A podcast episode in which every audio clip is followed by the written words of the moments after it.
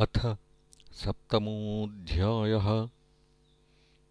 निर्गुणस्य भगवतो गुणक्रियादिसङ्गः कथमिति प्रश्नस्य मैत्रेयद्वारा समाधानम् श्रुत्वा विदुरस्य पुनर्विविधाः प्रश्नाः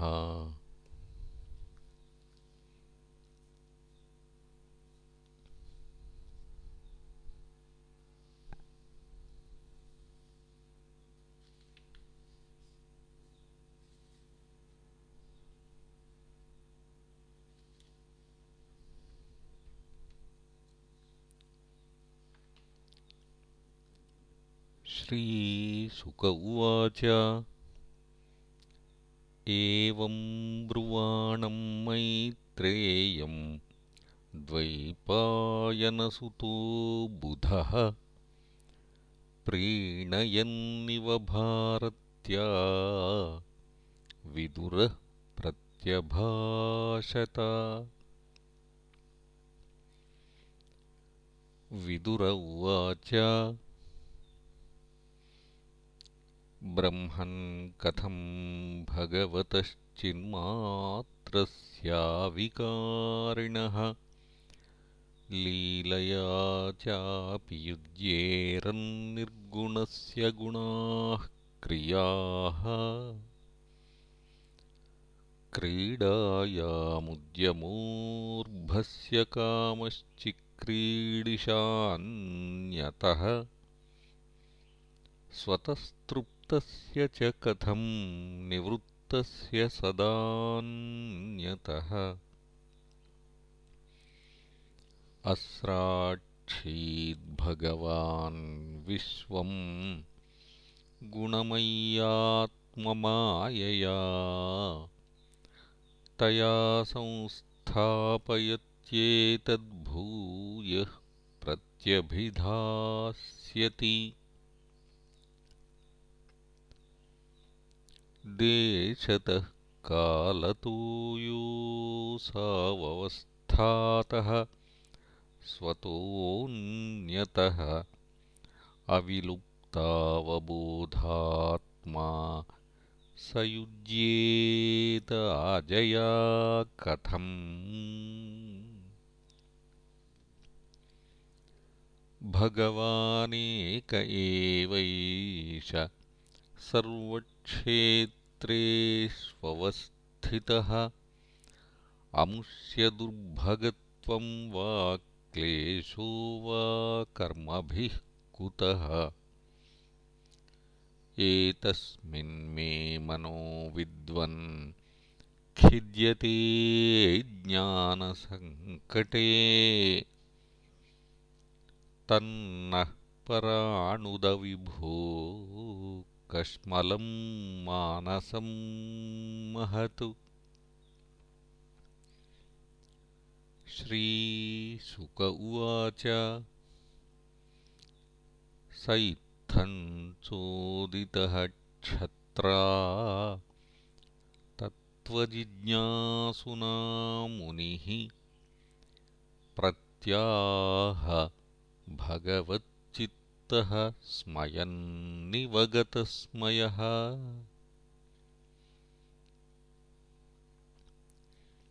मैत्रेय उवाच सेयं भगवतो मायायन्नयेन विरुध्यते। ईश्वरस्य विमुक्तस्य कार्पण्यमुतबन्धनम् यदर्थेन विनामुष्यपुंसात्मविपर्ययः प्रतीयत उपद्रष्टुः स्वशिरश्छेदनादिकः। यथा जले चन्द्रमसः कम्पादिस्तत्कृतो गुणः दृश्यते सन्नपि द्रष्टुरात्मनोऽनात्मनो गुणः। स वै धर्मेण वासुदेवानुकम्पया। भगवद्भक्तियोगेन तिरोधत्ते शनैरिह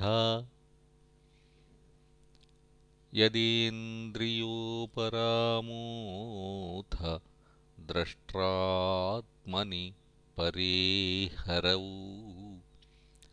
विलीयन्ते तदा क्लेशाः संसुप्तस्येव कृत्स्नशः। अशेषसङ्क्लेशशमं विधत्ते गुणानुवादश्रवणं मुरारेः। कुतः पुनस्तच्चरणारविन्दपरागसेवारतिरात्मलब्धा विदुर उवाच सञ्छिन्नः संशयो मह्यं तव सूक्तासिना विभो। उभयत्रापि भगवन् मनो मे सम्प्रधावति। साध्वेतद्व्याहृतं विद्वन्नात्ममायायनं हरेः। आभात्यपार्थं निर्मूलं विश्वमूलं नयद्बहिः यश्च मूढतमो लोके यश्च बुद्धेः परं गतः। तावुभौ सुखमेधेते क्लिश्यत्यन्तरितो जनः अर्थाभावं विनिश्चित्य प्रतीतस्यापि नात्मनः। ताञ्चापि युष्मच्चरणसेवयाहं पराणुदे।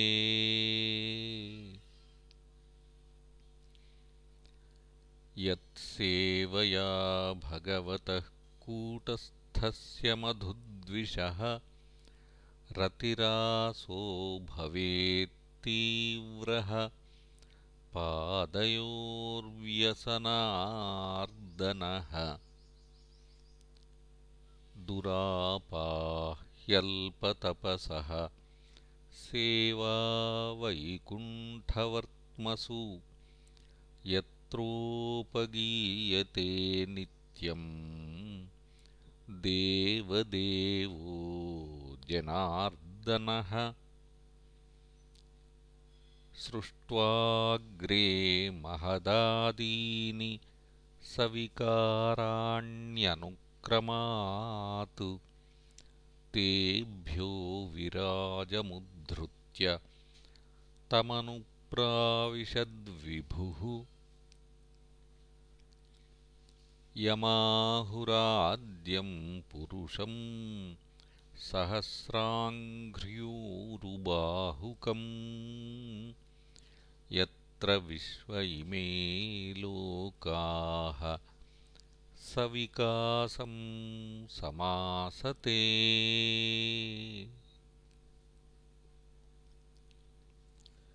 यस्मिन् दशविधः प्राणः सेन्द्रियार्थेन्द्रियस्त्रिवृत् त्वयेरितो यतो वर्णास्तद्विभूतिर्वदस्व नः यत्र पुत्रैश्च पौत्रैश्च नप्तृभिः सह गोत्रजैः प्रजाविचित्रा कृतय आसन् याभिरिदं ततम्। प्रजापतीनां सपतिश्चक्लुपे कान् प्रजापतीन् सर्गांश्चैवानुसर्गांश्च मनून्मन्वन्तराधिपान् एतेषामपि वंशांश्च वंशानुचरितानि च। उपर्यधश्च ये लोका भूमेर्मित्रात्मजासते। तेषां संस्थां प्रमाणञ्च भूर्लोकस्य च वर्णया। तिर्यङ्मानुषदेवानां सरीसृपपततृणाम् वद नः सर्गसंव्यूहम् गार्भस्वेदद्विजोद्भिदाम् गुणावतारैर्विश्वस्य सर्गस्थित्यप्ययाश्रयम्। सृजतः श्रीनिवासस्य व्याचक्ष्वोदारविक्रमम् वर्णाश्रमविभागांश्च रूपशीलस्वभावतः ऋषीणां जन्मकर्मादिवेदस्य च विकर्षणम्। यज्ञस्य च वितानानि योगस्य च पथः प्रभो। नैष्कर्म्यस्य च साङ्ख्यस्य तन्त्रं वा भगवत्स्मृतम्। पाषण्डपथवैषम्यम् प्रतिलोमनिवेशनम्। जीवस्य गतयो याश्च यावतीर्गुणकर्मजाः धर्मार्थकाममोक्षाणां निमित्तान्यविरोधतः वार्ताया दण्डनीतेश्च श्रुतस्य च विधिं पृथक् श्राद्धस्य च विधिं ब्रह्मन् पितॄणां सर्गमेव च। ग्रहनक्षत्रताराणां कालावयवसंस्थितिम्। दानस्य तपसो वापि यच्चेष्टापूर्तयोः फलम् प्रवासस्थस्य यो धर्मो यश्च पुंस उतापदि। येन वा भगवांस्तुष्येद्धर्मयोनिर्जनार्दनः सम्प्रसीदति वा येषामेतदाख्याहि चानघ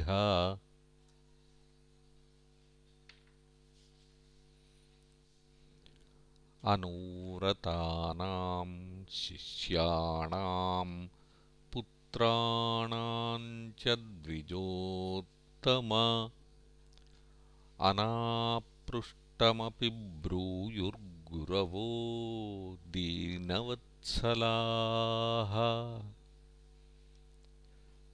तत्त्वानां भगवंस्तेषां कतिधा प्रतिसङ्क्रमः। तत्रेमं क उपासीरन् कौ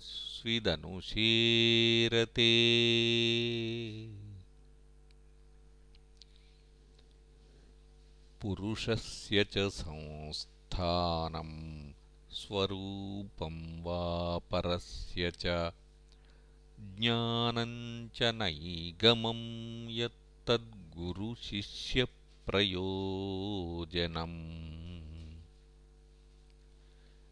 निमित्तानि च तस्येह प्रोक्तान्यनघसूरिभिः स्वतो ज्ञानं कुतः पुंसां? भक्तिर्वैराग्यमेव वा? एतान्मे पृच्छतः प्रश्नान्।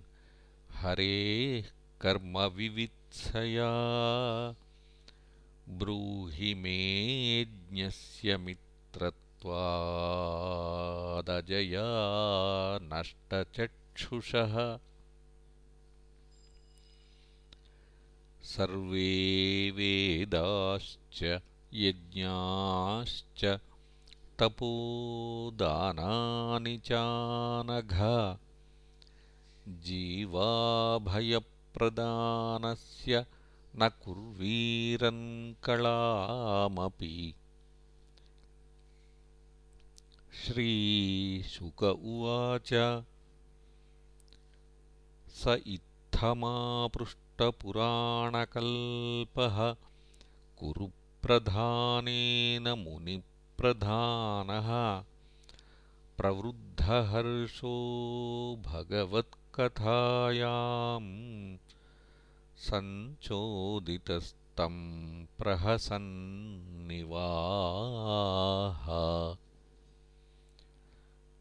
इति श्रीमद्भागवते महापुराणे पारमहंस्यां संहितायां तृतीयस्कन्धे सप्तमोऽध्यायः